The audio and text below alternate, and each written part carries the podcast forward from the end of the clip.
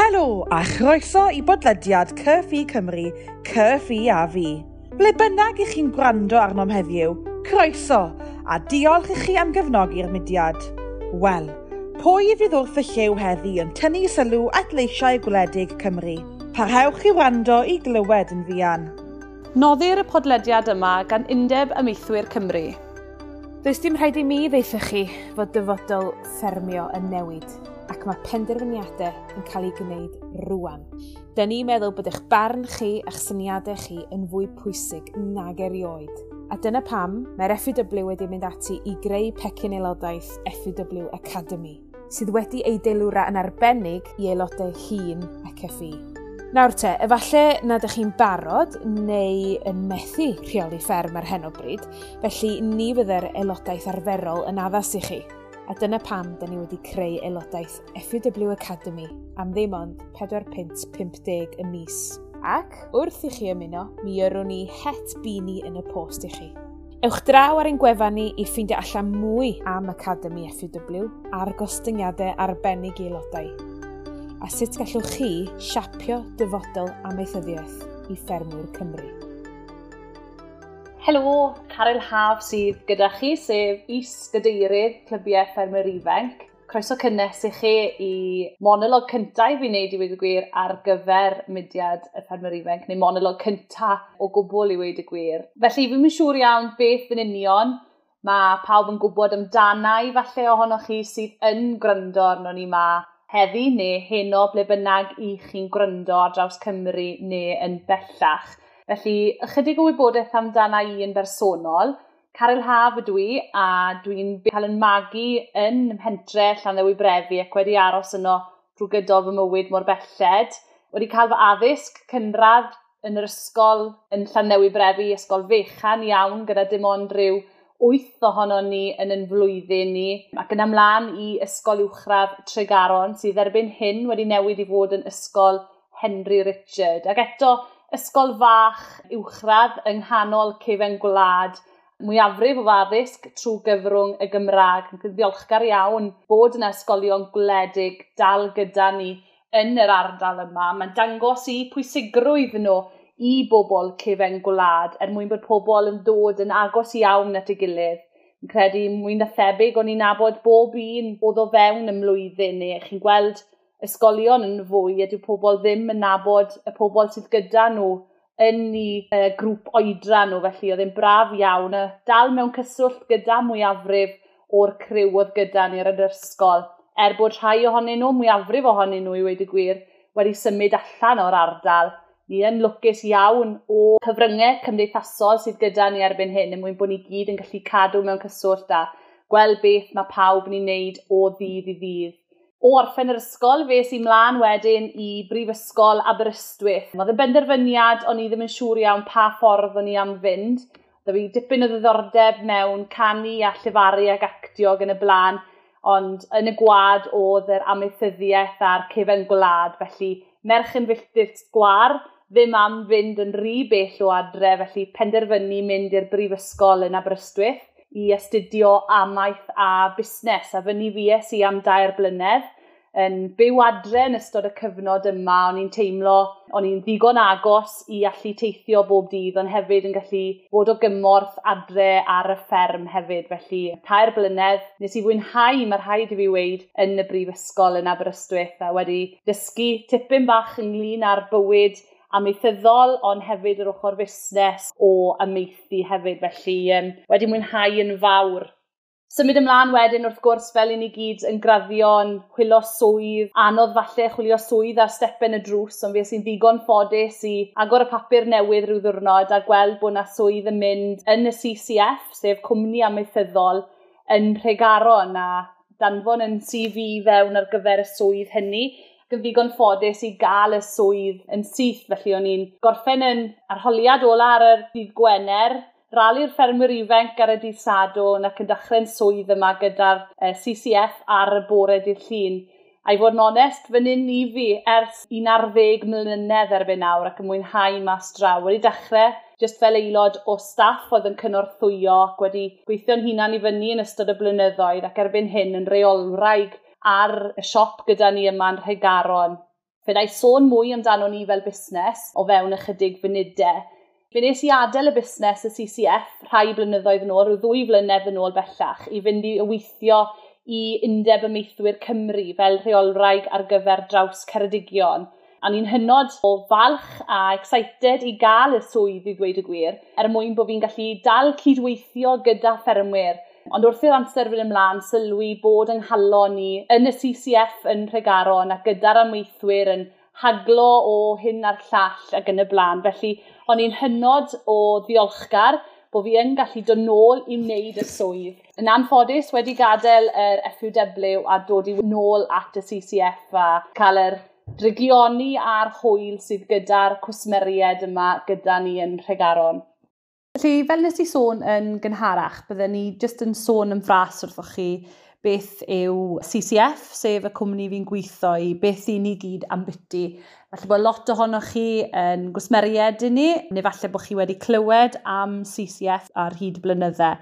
Ni gwmni sydd yn cael ei ferchen gan ffermwyr ar gyfer ffermwyr i wedi gwir. Mae gyda ni ymrywiol ganghennau o dde Sir Benfro, yr holl ffordd i fyny hyd at Geirwen yn Ynys Môn, a draw am Rheidr a Naito Eden wedyn. Felly mae gyda ni nifer eang o branches ar draws Cymru a ni'n gwerthu ymrywio lleol bethau o fwydydd anifeilied i fwydydd cyffyle, gatiau, postus ffenso, unrhyw beth mae ffarmwr ystau, mae gyda ni fel cwmni ar eu cyfer nhw. I ni'n rhagaron wedyn, ni'n bach yn wahanol eto, mae gyda ni pethau ar gyfer y gegin, Yn ni'n dieddol o werthu tipyn bach o baint ar gyfer y tŷ a'r tŷ allan hefyd. Yn ogystal â hynny, ni'n gwerthu pethau ar gyfer y tŷ fel powdwr golchi a rhyw bethau fel ni hefyd. Felly, fel mae lot o bobl yn ardal Tregaron yn galw ni, ni yn eitha one-stop shop. Mae gyda ni bach o bopeth ar gyfer pawb.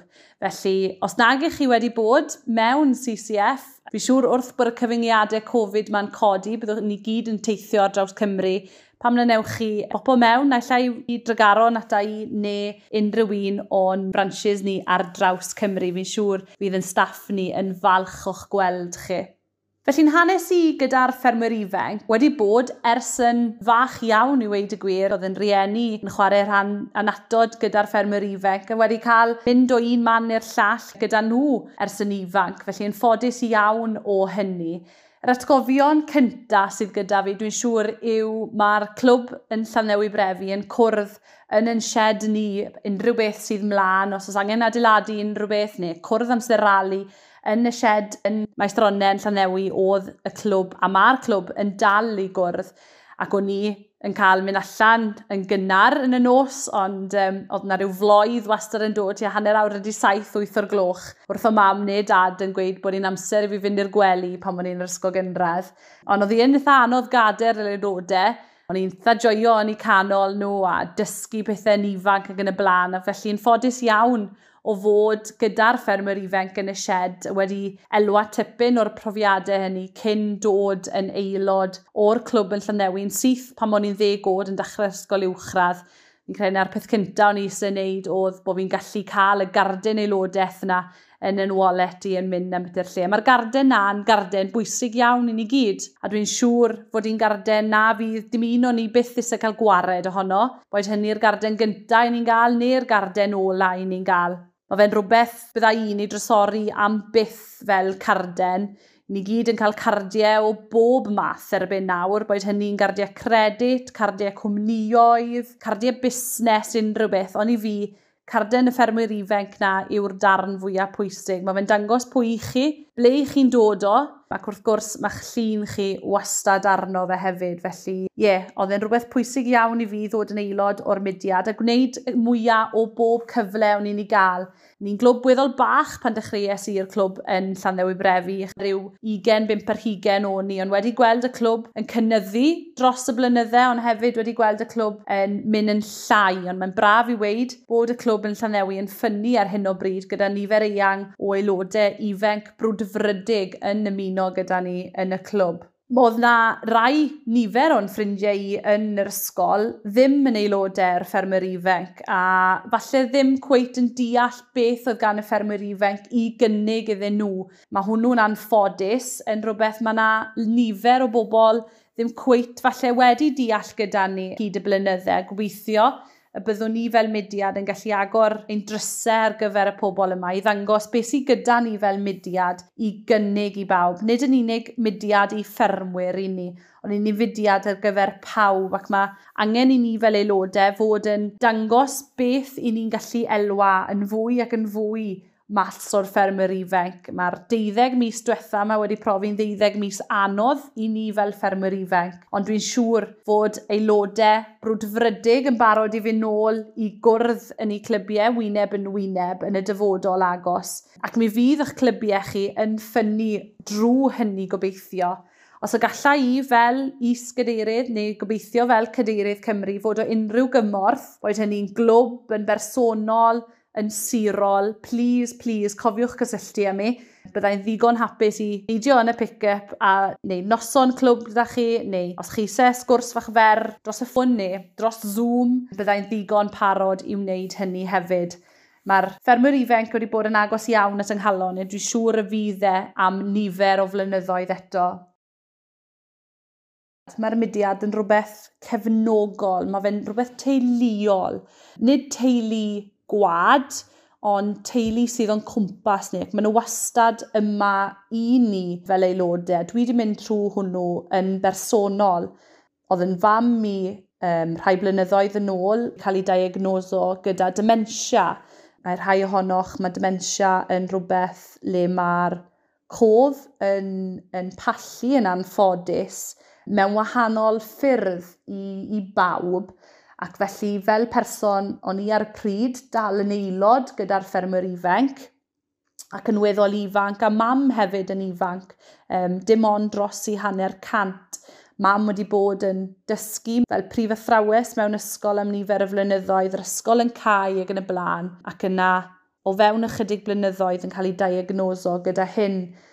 Ac roedd yn rhywbeth anodd achos o'n i dal yn byw adref o mam ar y pryd, Ond oedd y ffermwr ifanc yn rhywbeth oedd yn gefen i fi drwy'r cyfnod yma. O'n i'n gwybod fod na wastad rhywun ochr arall lein neu yn y clwb yn barod am sgwrs neu fod o gymorth i fi ar unrhyw adeg o'n i angen sgwrs gyda nhw neu os o'n i angen help gyda unrhyw beth os o'n i methu mynd i rolau falle o achos bod angen yr gofal ychwanegol ar mam yn enwedig yn y deuddeg mis diwetha oedd mam gyda ni.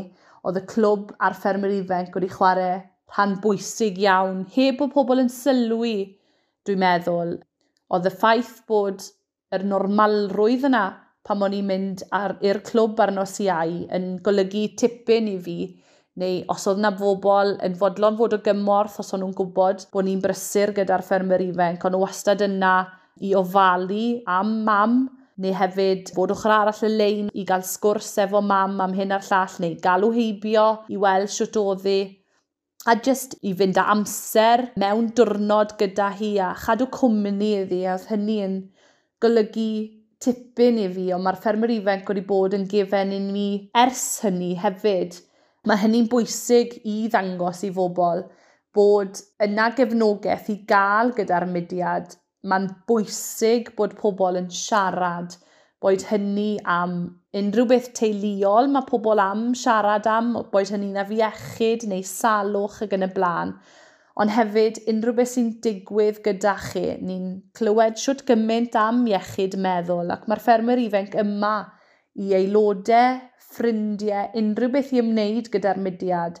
Mae'r mudiad yma i chi ar gyfer siarad. Os oes unrhyw un am unrhyw beth. Mae yna fobl yn eich nabod chi ac yn gwybod yn syth. Oedd pobl yn gwybod yn syth gyda fi, yn ffrindiau agos i, pam nad o'n i'n teimlo'n iawn. Ac oedd hynny'n golygu tipyn i fi fel person fod yna gymorth i mi o'n hamgylch chi. Er fod yna gyfnodau unig mewn amseroedd fel hyn, o'n i'n gwybod wastad byddai'r ffermwyr ifanc a'r cymorth o'n i'n ei gael gyda'r mudiad – er mwyn gallu wneud y pethau o'n i'n ei wneud yn golygu tipyn i fi fel aelod. Wrth gwrs, rhywbeth arall mae'r mudiad y ffermwyr ifanc wedi roi i fi yw'r bug o ryw fath. Fydde lot yn galw fe ar gyfer yr tyg o fôr. Fi'n credu falle heb y ffermwyr ifanc, bydden ni ddim wedi dechrau wneud tyg o fôr. Falle bydde ambell i berson yn gweud bod y well bod fi heb dechrau wneud e, ond um, Na, mae fe'n rhywbeth i fi yn ei fwynhau yn enfawr a wedi gweld eisiau yn ystod y deuddeg mis diwetha oherwydd bod na ddim wedi bod o achos y Covid. Mae'r tîm i fi'n dynnu yn lleol, Ladis Pink, be wnaethon nhw ddechrau oherwydd bod tîm yr ffermwyr ifanc rhai o'r merched yn mynd dros oedran ond dal am gystadlu yn agored ac felly dechrau tîm y Ladis Pink. Mae tîm Clwb Ffermwyr Ifanc Llandewi Brefi wedyn yn ymuno gyda Ladis Pink ar gyfer y cystadlaethau sy'n mynd â ni ar draws Cymru erbyn hyn. Dwi wedi elwa tipyn o brofiadau trwy'r dynnu gyda'r ffermwyr ifanc um, ar Ladis Pink. Mae hynny wedi arwen ata i i fod digon ffodus, i fod yn rhan o'r sgwad Cymru ath allan i Sweden rhai blynyddoedd yn ôl er mwyn tynnu yn hencampwriaethau y byd wedi bod yn ddigon ffodus i dynnu ym pencampwriaethau Pryden am sawl blwyddyn erbyn hyn ac wedi mwynhau mas draw. Mae'n dipyn o job i jyglo yr cyfarfodydd clwb y ffermwyr ifanc a'r sir. Mae'n ogystal â gwaith bob dydd a'r gwaith adre gyda'r defed pan o'n i'n tynnu gyda Cymru, oedd y tîm o'n i gyda wedi lleoli lawr ochr draw i Abergyfennu. Felly oedd da fi ryw awr a hanner, dwy awr o deithio cyn hyd yn oed meddwl mynd ar yr haff am ryw ddwy awr a teithio adre. Fi'n credu bod mwyafrif o'n ngwsmeried i yn CCF yn meddwl bod fi wedi colli'r plot yn gyfan gwbl a bod fi off ymhen. Ond ar diwedd y dydd, o'n i'n cael nifer o ffrindiau newydd, cysylltiadau newydd, ond hefyd yr profiadau newydd. A hyd at heddi, wi ddim yn dyfaru dim o deithio lawr yr hewlydd a nôl ar hyd yr M4 yn hwyr yn y nos. Dwi ddim yn dyfaru dim o hynny ac benilyn ni feto unrhyw ddwrnod sy'n ni'n cael y cyfle.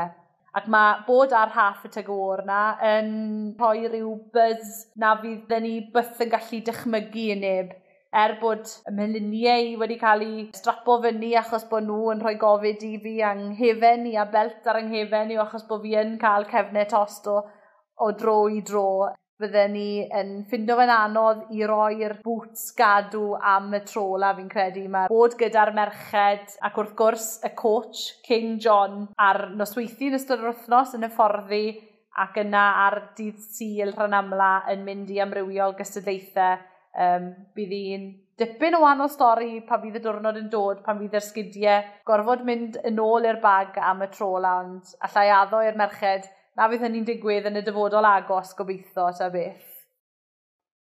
Roedd yna ambell i gystadleuaeth o fewn y clwb, falle na ges i y cyfle wastad i wneud o achos bod ni ddim cweit yn niferoedd o ddangen arno ni, ond fe nes i'r mwyaf o'n i'n gallu a wedi cystadlu yn y mwyafrif o gystadlaethau gyda'r mudiad. Mae'r rheina chi sy'n nabod fi'n eitha da, dos da fi ddim lot o glem am beth i arlunio na dim byd fel ni, ond fe ofynodd y clwb i fi unwaith wneud y blodau yn y rali. A fynden gweud, ie, ie, dim problem o gwbl, ddim am weid na, gwrtho dim byd. O'n i'n neud y barnu stoc fel o'n i ac o'n nhw am i fi wneud y blodau hefyd. Ond, um, war y teg, fe ddath un o'n ffrindiau ysgol i gyda fi i'r ymarferion. A fi'n credu mae rhyw ddoi ymarfer ges. Fel wedodd y fenyw fach blodau wrthau. um, fi'n credu bod yn well i ti bido wneud e am lenni, gael bach fwy o ymarfer gyntaf diolch beth oedd yn ffrind eitha da am wneud y jobyn, felly des i bant a wneud y blodau. Wy'n mynd credu bod fi wedi wneud lot o osod blodau ers ni. Fi'n credu bod y blodau wedi cael bod naill ochr gyda fi. Ond ie, yeah, wedi mwynhau wneud y barnu stoc yn enwedig yn y rali ac wedi bod yn ddigon ffodus i gael llwyddiannau ar hyd y blynyddau ac erbyn nawr yn cyd-hyfforddi barnu stoc yn y clwb gyda John Green, fi oedd yn hyfforddi i ar hyd y blynyddau. Fe a Ian Evans Esgymán yn hyfforddi a dwi'n hynod o ddiolchgar am bopeth wnaethon nhw ddysgu fi. Mae'n braf gallu rhoi'r wybodaeth yma nôl i'r aelodau a gweld nhw'n llwyddo gyda'r barnu stoc.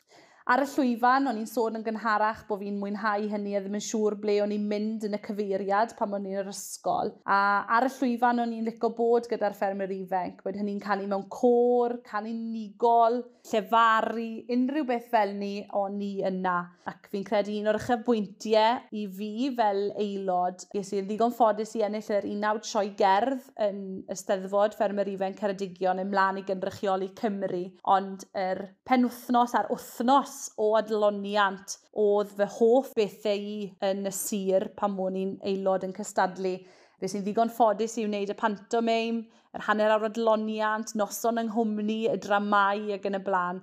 A yr flwyddyn nath Llanddewi ennill ar y ddrama yng Ngheredigion. Fe ni'n ddigon ffodus i fy mlaen i Gymru a fe drafeilon i dipyn bach gyda'r ddrama yna. Oedd hi'n ddrama bach, dim ond ryw wyth o'n i o ddyndi, ac fe wnaethon ni rili really fwynhau. A nifer o dramau wnaethon ni yn y clwb, Ifan Griffith, Reiter yn Stepen Drws ni fan hyn yn Rhygaron, a ni'n hynod o ffodus o'r dramau mae fe wedi creu ar hyd y blynyddoedd. Welwn ni fod nifer o glybiau ar hyd Sir Ceredigion a'r siroedd ehangach yn defnyddio tipyn o'r dramau yma erbyn nawr ac ni'n hynod o ddiolchgar fod yna dramau ffres ifanc newydd yn dod ar y sîn hefyd felly mae hynny'n braf iawn i weld um, sy'n ddigon ffodus nôl y llynedd yn ystod y dramau i fod yn cynhyrchu yr ddrama gyda i fi hefyd. Dim gyda clwb yng Nghynan, ond mynd i helpu clwb arall yn y sir, felly fe nes i fwynhau y profiad o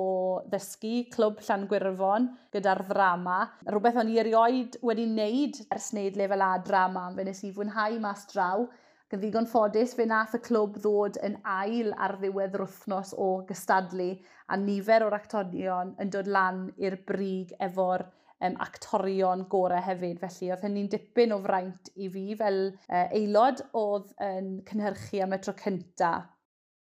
Wel, dyna ni. Fi'n siŵr bod chi wedi clywed digon o'n hint a'n helynt i o be fi'n neud o ddydd i ddydd. Lle bod rhai ohonoch chi'n dechrau meddwl, wel, peth ffod mae heb sôn am y defed a'r uh, diddordebau sydd gyda hi gyda rheini. Felly, ie, yeah, mae'r Blue Texels yn rhywbeth bach parchus iawn sydd gyda fi ma yng Nghaeronen yn Llanewi. Mae'r rhywbeth ges i pam o'n i'n ifanc iawn oedd y gwad ar gyfer defed a unrhyw un sydd wedi bod yn y tŷ dy fi yn Llanewi. Unwaith maen nhw'n dod mewn trwy'r drws, mae yna lun o ddafad neu mae yna ddefed ar draws y lle yn bob man yn y tŷ, ond mae'r Blue Texels yn bethau bach parchus iawn yma. Mae nhw'n ddiadell o ryw 5 o ddefed gyda fi ma a does dim byd gwell da fi'n agor y llenni yn y bore a gweld y blue texas allan drwy'r ffenest wrth edrych allan ar cwm brefi yn Llandewi Brefi. Uh, ges i'r defed pan o'n ni yn ddwy ar bymtheg a uh, lan am ddeunaw oed e. Rhai gyda myngi a rhai wedyn gyda mam a dad. Ac o fyny dwi wedi adeiladu'r ddiadell ac erbyn hyn yn mynd yn nhw amgylch y sioe yn gwerthu nhw mewn amrywiol ar werthiannau yn ystod y flwyddyn. Falle, fe gewn ni bodlediad eto i siarad am y Blue Texels, ond wrth gwrs rheini sydd gyda ni yn y sioe frenhinol eleni ar gyfer y barnu stoc. Felly fi'n siŵr fe gewn ni fwy o'i hanes nhw fel bryd yn ystod y misoedd nesaf sydd o'n blaenau ni. Felly, na gyd sydd gyda fi weid am nawr, Gobeithiwch bod chi gyd yn cadw'n ddiogel ac yn mwynhau y tywydd braf mae sydd o'n blaenau ni. Felly, diolch yn fawr iawn i chi gyd. Diolch yn fawr iawn i chi am ryndo ar bodlediad Clybiau Ffermwyr Ifanc Cymru. Gweithio, newch chi ymuno gyda ni ar gyfer yr un nesaf eto. Cofiwch dan ysgrifio ar gyfer hwnnw. Tan y tro nesaf, hwyl fawr!